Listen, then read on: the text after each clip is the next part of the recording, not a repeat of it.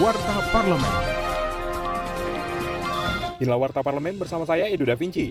Memperingati ulang tahun ASEAN yang ke-54, Ketua DPR RI Puan Maharani mengajak negara anggota ASEAN untuk bersatu hadapi COVID-19. Menurutnya, solidaritas sangat diperlukan untuk membawa kawasan ASEAN keluar dari pandemi COVID-19. Politisi praksi PDIP itu mengingatkan kerjasama kawasan untuk menghadapi pandemi COVID-19 sangat krusial. Lonjakan kasus satu negara akan mempengaruhi negara lainnya. Data WHO sampai saat ini lebih dari 6 juta kasus COVID-19 ada di kawasan ASEAN, 3% dari total kasus global. Warta Parlemen.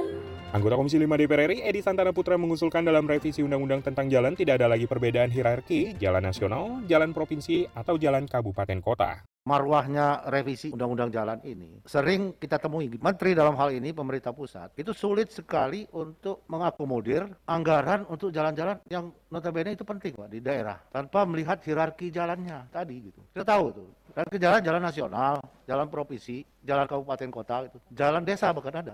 Anggaran pemerintah pusat ini kan untuk rakyat semua, gitu. untuk kesejahteraan rakyat. Jadi bisa masuk tanpa diskresi. Gitu. Oh itu jalan kabupaten, oh itu bukan tanggung jawab kami.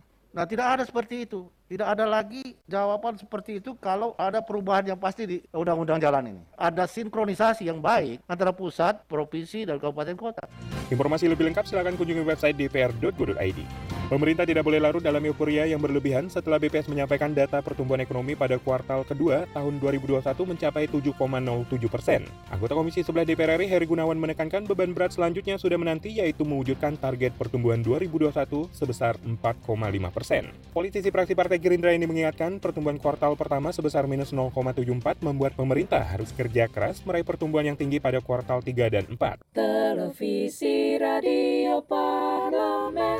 Demikian Warta Parlemen, Produksi TV dan Radio Parlemen, Biro Pemberitaan Parlemen, Sekjen DPR RI.